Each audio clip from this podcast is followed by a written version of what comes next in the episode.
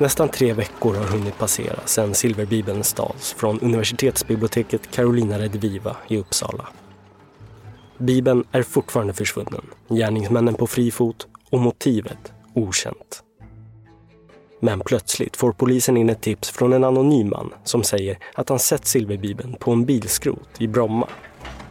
Och det var ju en del kriminella som dök upp på den här skroten och det var där misstankarna om häleri dök upp. Då. Kan det vara så att man eh, köper och säljer stöldgods här?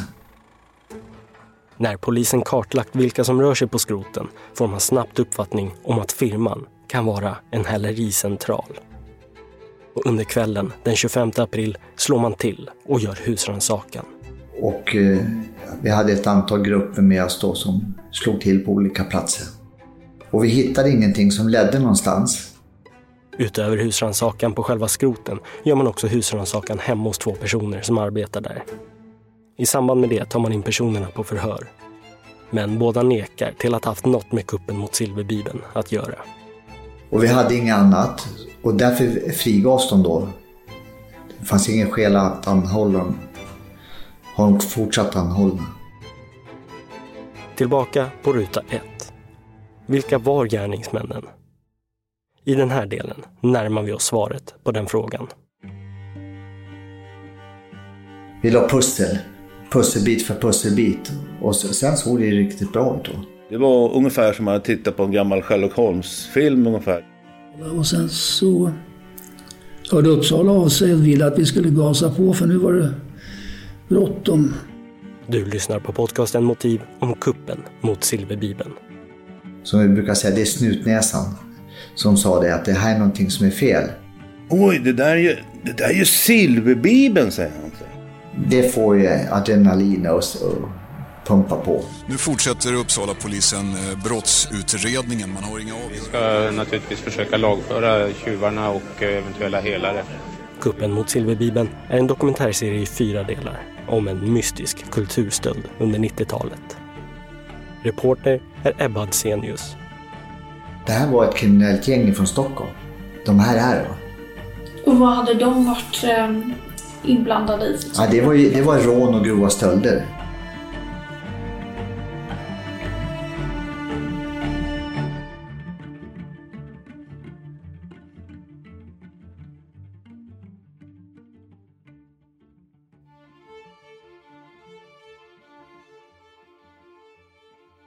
Ju fler människor jag träffar, desto större förståelse får jag för vilken stor påverkan den här händelsen haft för vissa personer.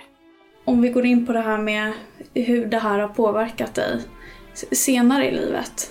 Vad är det första som du kommer att tänka på då? Som alltså yrkesverksam så blev jag ju väldigt påverkad utav det här. Det, det kan jag ju inte eh, komma ifrån.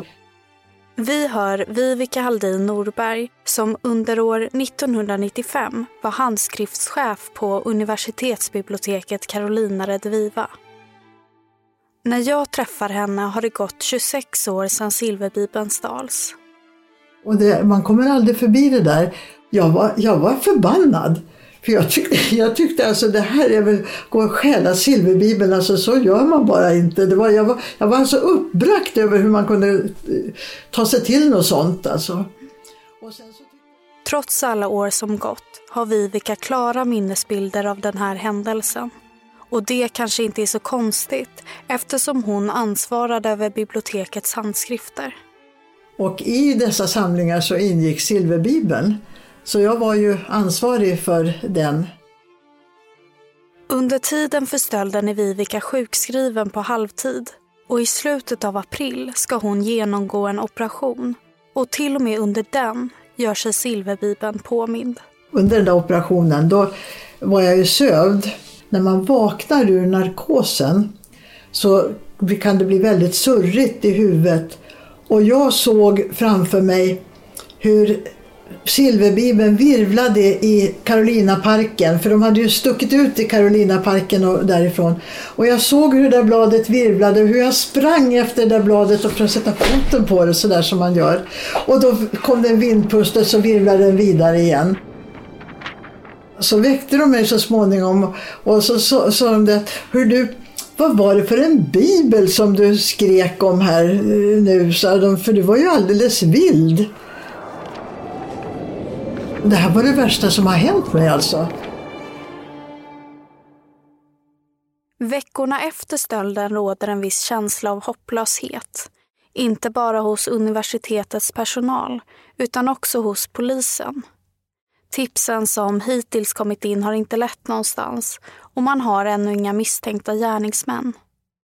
Universitetets säkerhetschef, Pelle Ölund, utses av polisen som kontaktperson och man hoppas då på att få in nya tips som ska leda utredningen framåt. Men till en början ser även det mörkt ut. Många gånger lite osannolika saker eh, helt enkelt. Det, det finns, det dyker upp knäppskall i sådana sammanhang och, eh, och det gjorde det då också. Jag, jag, jag, kan inte i detalj återge det men det var, det var så att det var ett antal konstiga saker som hände då som inte gav någonting.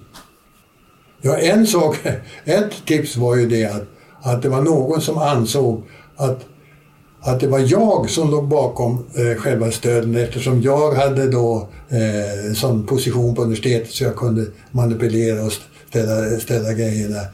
Och att silverbibeln kunde återfinnas hos mig, det var ju mycket intressant. Men, men som sagt, jag tog, eh, alla andra sakerna la man åt sidan bara. Men Pelle mottar också tips som han inte lägger åt sidan.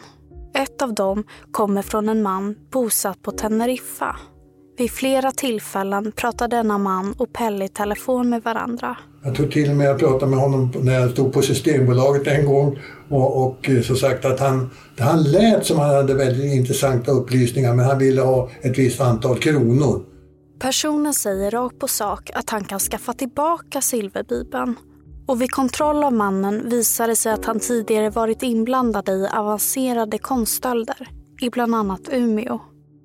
Men när mannen gång på gång begär en betalning i förskott bestämmer sig polisen för att inte gå med på hans villkor. Vi bedömde hans trovärdighet som tveksam men, men det, var säkert, det fanns säkert ett, ett embryo av sanning i vad han hade att säga. Men så plötsligt händer något som kommer få stor betydelse för utredningen. Det är fredagen, den 5 maj, exakt en månad efter stölden. Uppsala polisen har fått signaler om att det kan tänkas komma in ett intressant tips till Pelle under dagen. De ville gärna placera en person hemma hos mig från polisen, spanare från polisen och jag skulle hålla mig hemma och eh, vara hemma hela dagen. Det där. För det kunde tänkas att jag skulle få, skulle få samtal.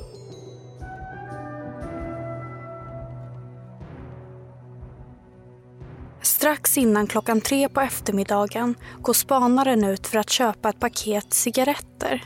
Och precis då ringer Pelles telefon. Hallå, hej. Eh, ett för universitetet intressant föremål finns på Stockholms centralstation. I en förvaringsbox en trappa ner, nummer 198. Vad tänkte jag då? Jo, jag tänkte naturligtvis det här, nu, nu är vi hemma. Pelle spelar in samtalet och tar genast kontakt med polisen. Vi hör länspolismästaren Lars Nylén. Ja, det vart naturligtvis eh, högt tempo och en hög temperatur i det här ärendet. Och, och eh, vi tog kontakt med eh, Rikskrim eh, och vi ordnade då så att det blev ett beslut från åklagare i Uppsala om husrannsakan i den här eh, förvaringsboxen 198. Det här var ju i grunden ett Uppsala-ärende. Eh, så att Rikskriminalen hoppade bara in för att hjälpa till och vara lite kontaktskapande och sådär. Vi hör nu Ola Boja. Under den här tiden arbetar han på underrättelsetjänsten på Rikskrim i Stockholm. Och eh, var del i en grupp som hade till syfte att se över framförallt bank och postrån, transportrån och sånt. Som förekom i mycket högre grad vid den tiden än det gör idag. Förekommer det nästan inte. Det är ingen som konkar runt på pengar längre. När Ola en månad tidigare fått veta vad som hänt har han själv åkt till universitetsbiblioteket för att bilda sig en uppfattning om hur stölden gått till. Ja, man tänker i de vanliga banorna, har det här bytet gått utomlands till någon rik samlare som sitter någonstans i världen och har skickat ut några gubbar för att hämta den här som man kan ha i källaren och titta på sen. Eller, eller vad kan det vara? Och det här valet av verktyg och sättet att göra det här på. Man hade alltså ingen koll på att det var osedvanligt mycket folk där inne i den här foajén. Man hade inte så särskilt ändamålsenligt verktyg. Det gick ju till slut, men man fick ju banka ett antal gånger innan det började spricka det där glaset. Det hade gått på en smäll om man hade haft en ordentlig slägga. Tyder, allt det där tyder på att det var inte de ja, Arsène Lupin-liknande förbrytare det här, utan det här var nog mer några vanliga tjuvar. Så vi tänkte att det är i alla fall svenskar. När säkerhetschefen Pelle Ölund tagit emot samtalet åker polisen Ola och två kollegor till Stockholms centralstation. En våning ner från huvudentrén finns förvaringsboxarna. Ja, vi lokaliserade den här boxen och eh, tittade väl oss omkring får jag lov att säga. För vi utforskade inte, men vi tittade om vi, det var någon uppenbar som stod och tittade på den. Ja, jag tror det var så att två av oss knallade iväg till... En, en stannade kvar och bevakade facket och två gick till SJ-personalen som så småningom fick vi tag på den som hade huvudnyckeln till det här och de låste upp det här. Man öppnar den röda boxen och inuti den ligger en brun papperspåse med texten Sue Row London. Så jag tog ut den här kassen. Det var en för mig helt okänd eh, modekasse. Vi, vi öppnade påsen och kikade in i den. Det kan ju vara sprängladdningar och sånt där också som man bjuder på. Fyra år tidigare detonerade en bomb i en av förvaringsboxarna. Före sprängningen ringde en man till polisens larmcentral och meddelade att bomber placerats ut på en rad platser runt om i Stockholm. Det visade sig senare vara militärligan som låg bakom det dådet. Man var lite uppskakad för smällar då. Men eh, vi öppnade lite försiktigt och se om det satt några trådar eller någonting sånt där. Men det var, det var ingenting. Inuti den bruna påsen ligger en till mindre papperskasse och ett gult vadderat kuvert med blomsterdekorationer Ola och en av kollegorna tar med sig påsen och åker mot Uppsala.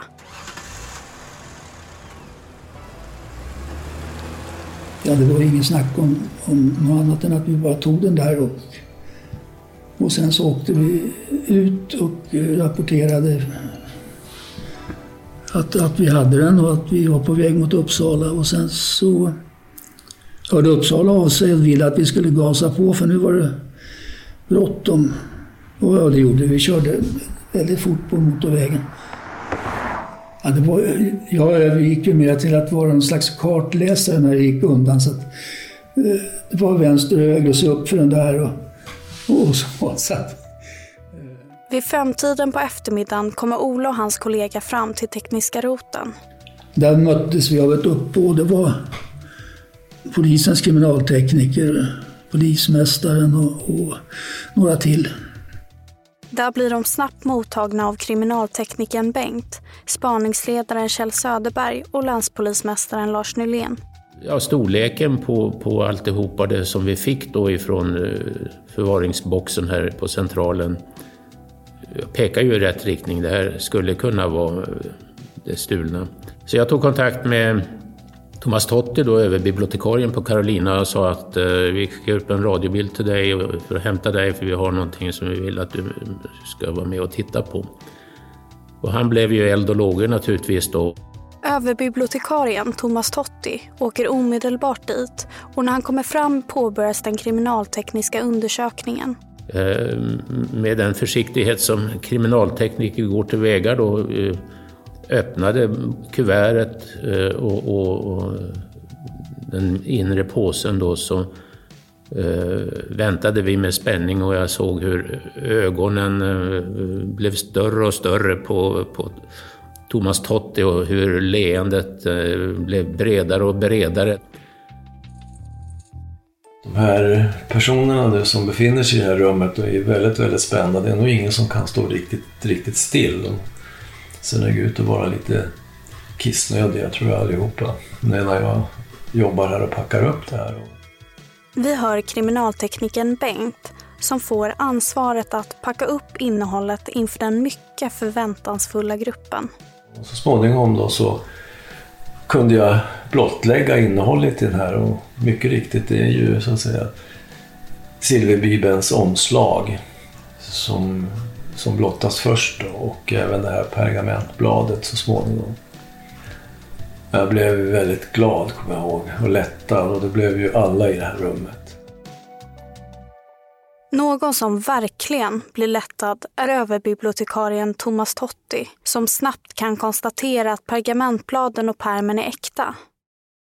Och förutom en liten buckla på ena silverpärmen som förmodligen orsakats av hammaren är materialet i gott skick. Om det inte är mera skador på pergamentbladet, det är ju helt intakt. Så känns det som i alla fall att man har haft den här kunskapen även vid stölden. Att man har alltså fraktat den på ett väldigt, väldigt eh, försiktigt sätt ifrån Carolina Rediviva biblioteket. Utöver att gärningsmännen varit omsorgsfulla i hanterandet av silverbibeln finns inga nya ledtrådar. Om gärningsmännens DNA finns på pergamentbladen är omöjligt att ta reda på eftersom materialet är för ömtåligt och vid en kriminalteknisk undersökning riskerar att förstöras. Däremot skickas de två kassarna och det vadderade brevet som pergamentbladen och pärmarna packats i till ID-roten i Stockholm för en fingeravtrycksundersökning. Radio Uppland här igen, Per Alton heter jag. Ska bara bryta sporten helt kort för att återigen berätta att de stulna delarna av Silverbibeln i Uppsala har kommit till rätta. Nu fortsätter Uppsala polisen eh, brottsutredningen. Man har inga avgörande spår efter förövarna. Eh, polisen i Uppsala kommer att hålla en presskonferens i Uppsala i afton klockan 19 och därmed åter till Globen. På kvällen hålls en presskonferens på polishuset i Uppsala. Och personalen på universitetet och biblioteket är mycket lättade över att silverbibeln är tillbaka. Men om några pengar har betalats ut i samband med återlämnandet vill polisen inte kommentera. Vi hör bibliotekets säkerhetschef Lars Munkhammar. Vi hade ju varit väldigt ängsliga för att man skulle förstöra materialet om man inte kunde säljare eller lämna det till någon beställare eller så. Att man skulle helt enkelt för att inte åka dit bara ja, bränna upp det och eh, smälta ner silvret i silverpärmarna. Det, det, det var sådana skräckfantasier som man hade. Ytterligare en person som blir väldigt lättad över silverbibelns återkomst är handskriftsexperten Vivica Aldin Norberg som drömt mardrömmar om den här mystiska konstkuppen. Och du kan inte ana vilken lättnad det var eh, att få det där, för det hade ju legat väldigt tungt på alla människor. Eh, det var väldigt eh, roligt att den kom tillbaka just då. För, för vi sa ju det att, att lånetiden är ju en månad. Så det var en sån där eh, knorr som vi hade, alltså att det där att, att eh, ja, tänk att det var precis på dagen en månad, precis vår lånetid. Men eh, den var ju inte lånad utan den var ju rövad. Så det, det var en sån där sak som vi skojade om faktiskt. Vi var väldigt nöjda med att den kom tillbaks. Alla i det här huset var ju strålande lyckliga. Men det, det är klart att man vill ju se någon skyldig också. Och det, ja, det... Åtminstone tyckte jag det att det var ju, var ju klädsamt om, om någon fick klä skott för den här stölden. Polisverksamheten eh, hade ju ännu inte nått till målet då så att säga. Vi hade ju en stöld att, att klara upp. Vem var gärningsmännen och hur hade det här gått till? Så vi jobbar ju vidare med det och eh, fortsatt samarbete då med Rikskriminalpolisen och Stockholmspolisen. Det var ju uppenbart att föremålen eh, hade nog inte hunnit iväg eh, från Sverige, om det nu var det man hade tänkt sig då från tjuvarna och den som eventuellt eh, var beställare utav den här stölden. Det hade vi ingen aning om då den 5 maj.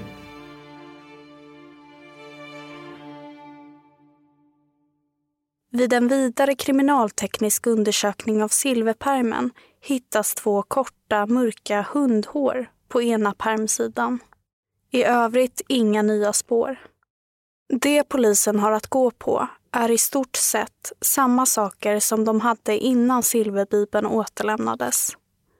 Att rånarna ska ha varit unga, vältränade, den ena blond och den andra mörkhårig samt att de sprungit norrut genom Engelska parken och sen eventuellt försvunnit iväg i en bil.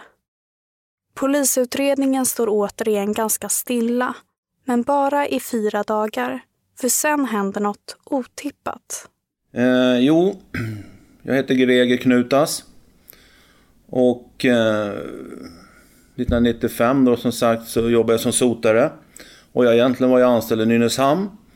Men just, just under den här tiden så var jag utlånad och jobbade på Östermalms sotningsdistrikt.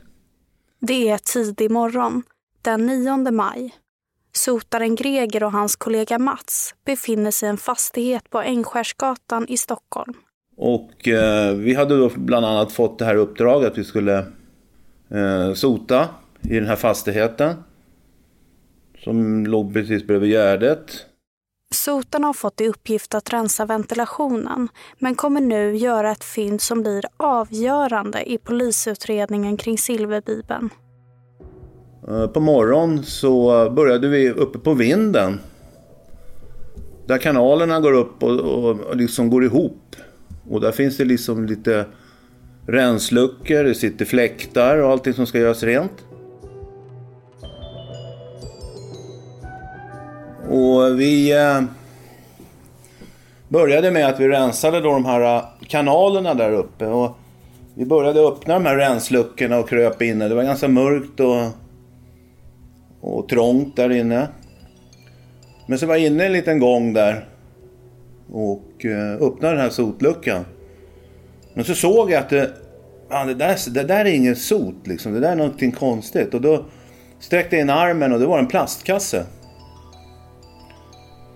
Och, och jag ropade till Mats. Kom här, hjälp mig, håll i den här liksom. Så jag sträckte den här påsen då till honom. Och sen tittade vi då i påsen. Och då såg vi att det var ju, fan vad konstigt, så det är ju, det ligger tårgas. Det låg någon klockradio. Eh, det låg bultsax. Och sen låg det en hel bunt med tusenlappar. Men i den kasse de hittat ligger också något annat som vid första anblick kanske inte verkar så märkvärdigt. Polaroidbilder. För jag reagerade inte direkt, men Mats reagerade och sa Oj, det där är ju, det där är ju silverbibeln, säger han. Polaroidbilderna föreställer silverbibelns pärmar utlagda på en blåröd frottéhandduk som i sin tur ligger på ett brunt parkettgolv bredvid Dagens Nyheter. Så funderar vi på det där, Säger, det här är ju, då säger Mats alltså, han, han blir liksom lite mer eld och lågor. Han säger, det här är jättestort. Ja men vi låter det här vara för att vi hade ju liksom en tidsbrist ändå. För vi ska ju ändå ner till sotakammaren då klockan nio. För då har vi rast. Greger och hans kollega Mats fortsätter att sota i fastigheten och snart börjar klockan närma sig nio. De är nyfikna på om tusenlapparna är äkta eller inte. Så vi var jättesugna så vi åkte först till en Konsumaffär. Så vi tog med en sån där tusenlapp in i affären. Hon körde det i sina maskiner och hon sa nej det här det är jättefin. Jag ser ingenting. Men då sa vi, vi misstänkte att det här är liksom tårgas och bultsax och silverbibel, Det här är något skumt liksom. Men vi var fortfarande nyfikna så vi fortsatte till en OK-mack. Vi bara sa liksom, vi är nyfikna, fan, är den här riktig liksom? Han stod frågande ut av killen och nej, jag kan kolla. Så kollade han i sin maskin, men då sa Nej, det ska bli violett och så, men det blir lite blått. Men nej, jag vet inte, sa killen. Greger och Mats åker till Sotakammaren på Värtavägen i Stockholm. Där möter de sina kollegor som sitter runt ett bord och fikar. Och då gör vi så att vi tar den här påsen med pengarna och sen så... Eh, sen så vet det, häller vi ut de här sedlarna över bordet. och för vi ville ju se reaktionen då, bara för att skoja lite. Och då var det ju så att alla började fingra på de där pengarna. Och det visade sig att det var inte så bra då.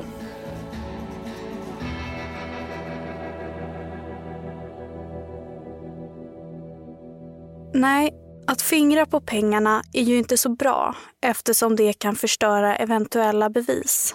Något som Greger inte tänker på i stunden, men förstår när polisen väl kommer dit.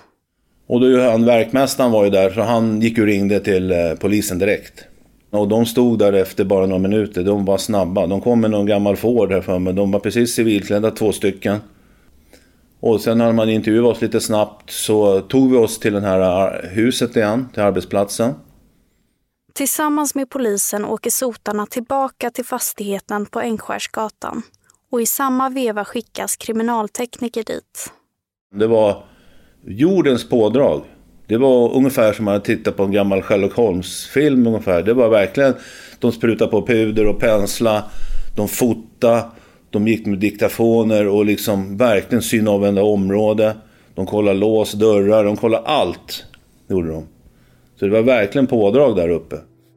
Och efter ett tag tar polisen i Stockholm kontakt med polisen i Uppsala.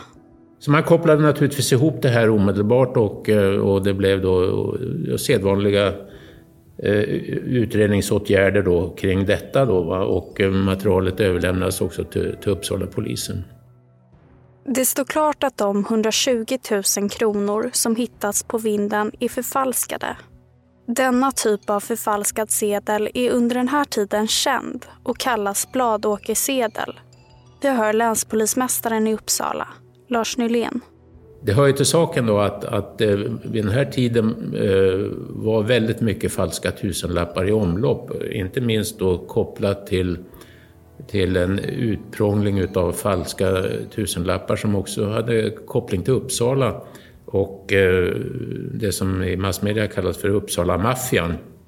Men naturligtvis då så var ju den här adressen, eh, Ängskärsgatan, som man då hade hittat eh, detta på i högsta grad intressant.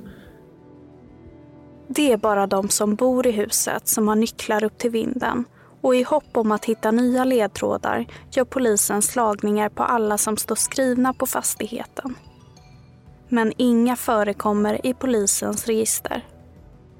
Därför knackar polisen på hos de som bor i huset och alla som öppnar uppger att det är en lugn fastighet. Men det är ovanligt att man får tag på alla vid en dörrknackning och de personer som inte varit hemma bestämmer sig spaningsledaren Kjell för att ringa upp. Den 19 maj ringer han upp Karina, en tjej i 20-årsåldern som bor på våning 6. Hon är trevlig i telefon, men de uppgifter hon lämnar får Kjell att reagera. Karina säger att det inte är så konstigt med såna här fynd eftersom det nästan jämt är ett spring av skumma personer i huset. Alla andra sa att det var hemskt lugnt i trappen. Och det där reagerar Kjell på, som vi brukar säga, det är snutnäsan som sa det att det här är någonting som är fel. Den 23 maj får polisen Kenneth Ågren och hans kollega i uppdrag att åka till den här fastigheten på Gärdet. Ja, vi knackade på hos henne och hon öppnade och eh, i lägenheten fanns hennes pojkvän. Kenneth möts av en vältränad ung man i 20-årsåldern som presenterar sig som Jerry. En vältränad kille, rätt välbyggd, och eh, en stor svart hund. Och vi fick komma in och de, de, vi blev bra emottagna. Vi ställde bara frågor igen och vad de menade med det här att det var skumma typer och kände de till något mer om, om det och vad kunde de berätta för oss? Så vi tog utförliga förhör om, om den delen. Kenneth minns inte så noga vad Karina berättar i det här förhöret. Men på Uppsala landsarkiv läser jag följande. Karina har bott i huset sedan 1993.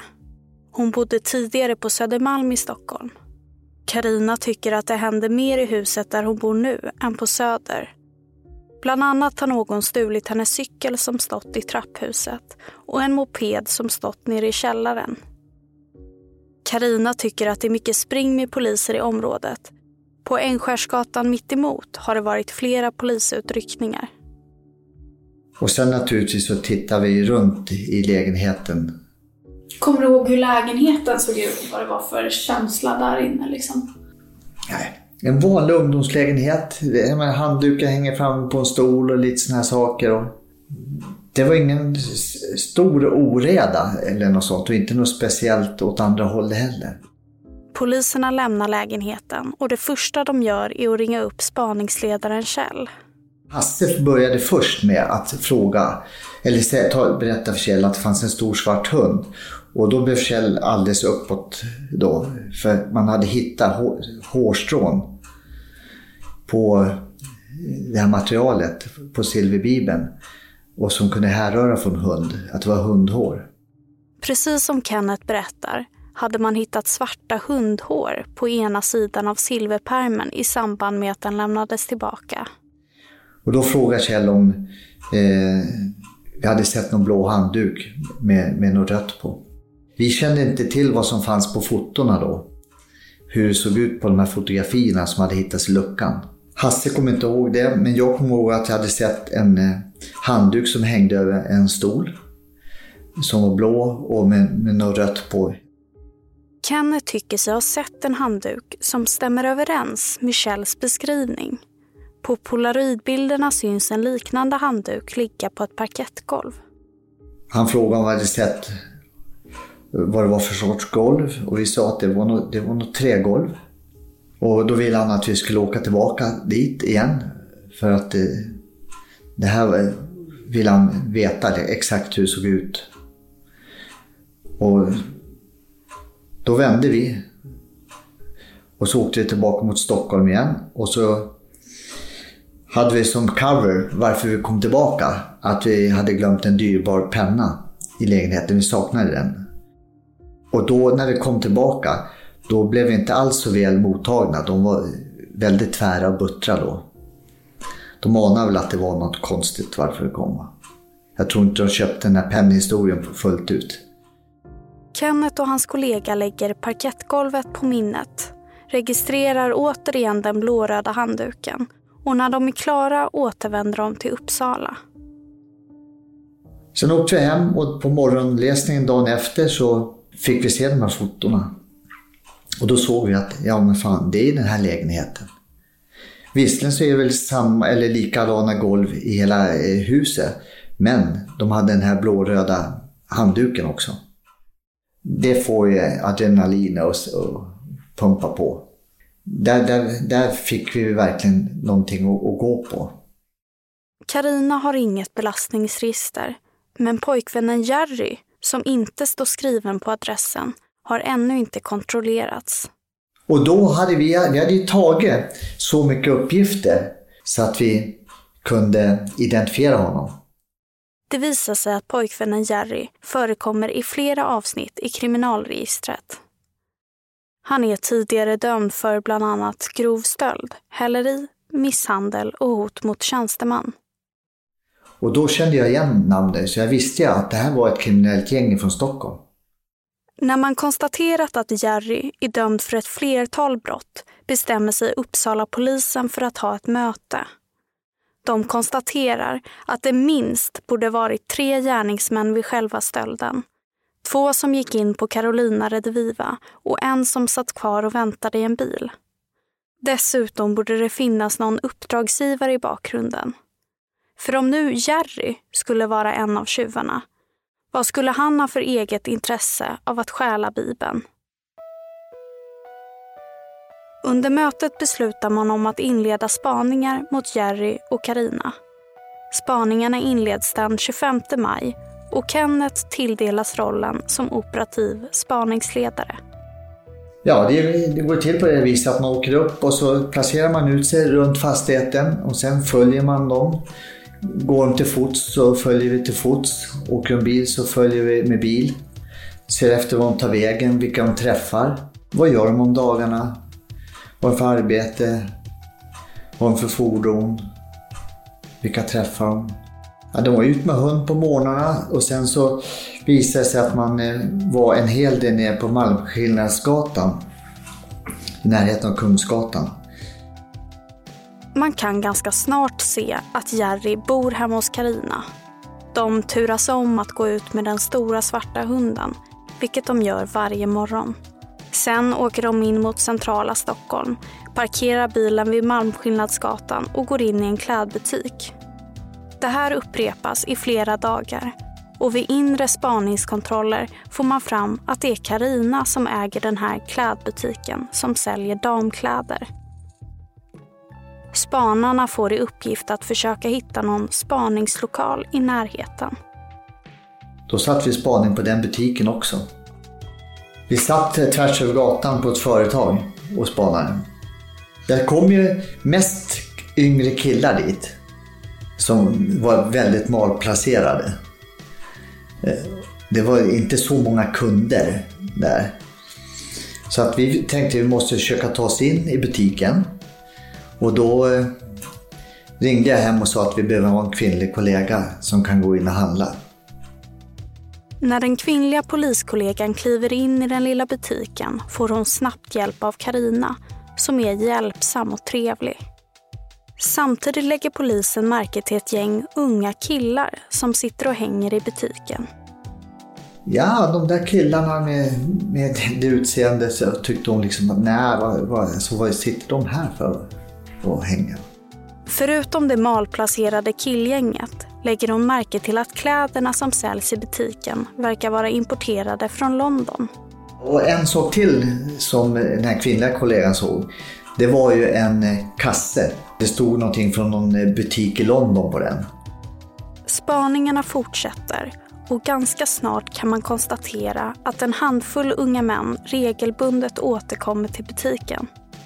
Spanarna fotar och tar signalement på personerna och utöver Karina och hennes pojkvän Jerry är det framförallt två män som besöker butiken. Männen identifieras som Emil och Anders och är sedan tidigare dömda för brott. Men även om man kan konstatera att ett flertal killar med kriminell bakgrund hänger i butiken krävs det något mer för att besluta om gripanden och husransakan. De mest intressanta spåren är fortfarande handduken och golvet i Karinas lägenhet som verkar stämma överens med det som syns på polaroidbilderna. Och till slut började väl vi eh, eh, tröttna lite grann på det här. Och tyckte att vi kunde väl slå till nu. I samma veva som spanarna börjar bli otåliga får spaningsledaren Kjell in ett högintressant tips som kommer att leda utredningen i rätt riktning. Det är en polishanterare som via sin informatör fått uppgifter om att de som stulit silverbibeln har en anknytning till butiken på Malmskillnadsgatan.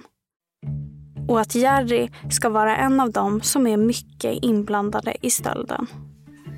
Vi la pussel, pusselbit för pusselbit och sen såg det riktigt bra ut då. Polisen lägger sitt pussel och kommer att få viss klarhet kring vad som hänt. Men stora delar av den här händelsen har förblivit ouppklarade. Jag ansåg att han ljög och han förstod ju att jag vis, visste att han ljög. Så att det blev som det kan bli ibland. Det blir ett litet spel som blir kanske omöjligt för allmänheten att förstå. Men det... Än idag har inga gärningsmän dömts för utförandet av själva kuppen.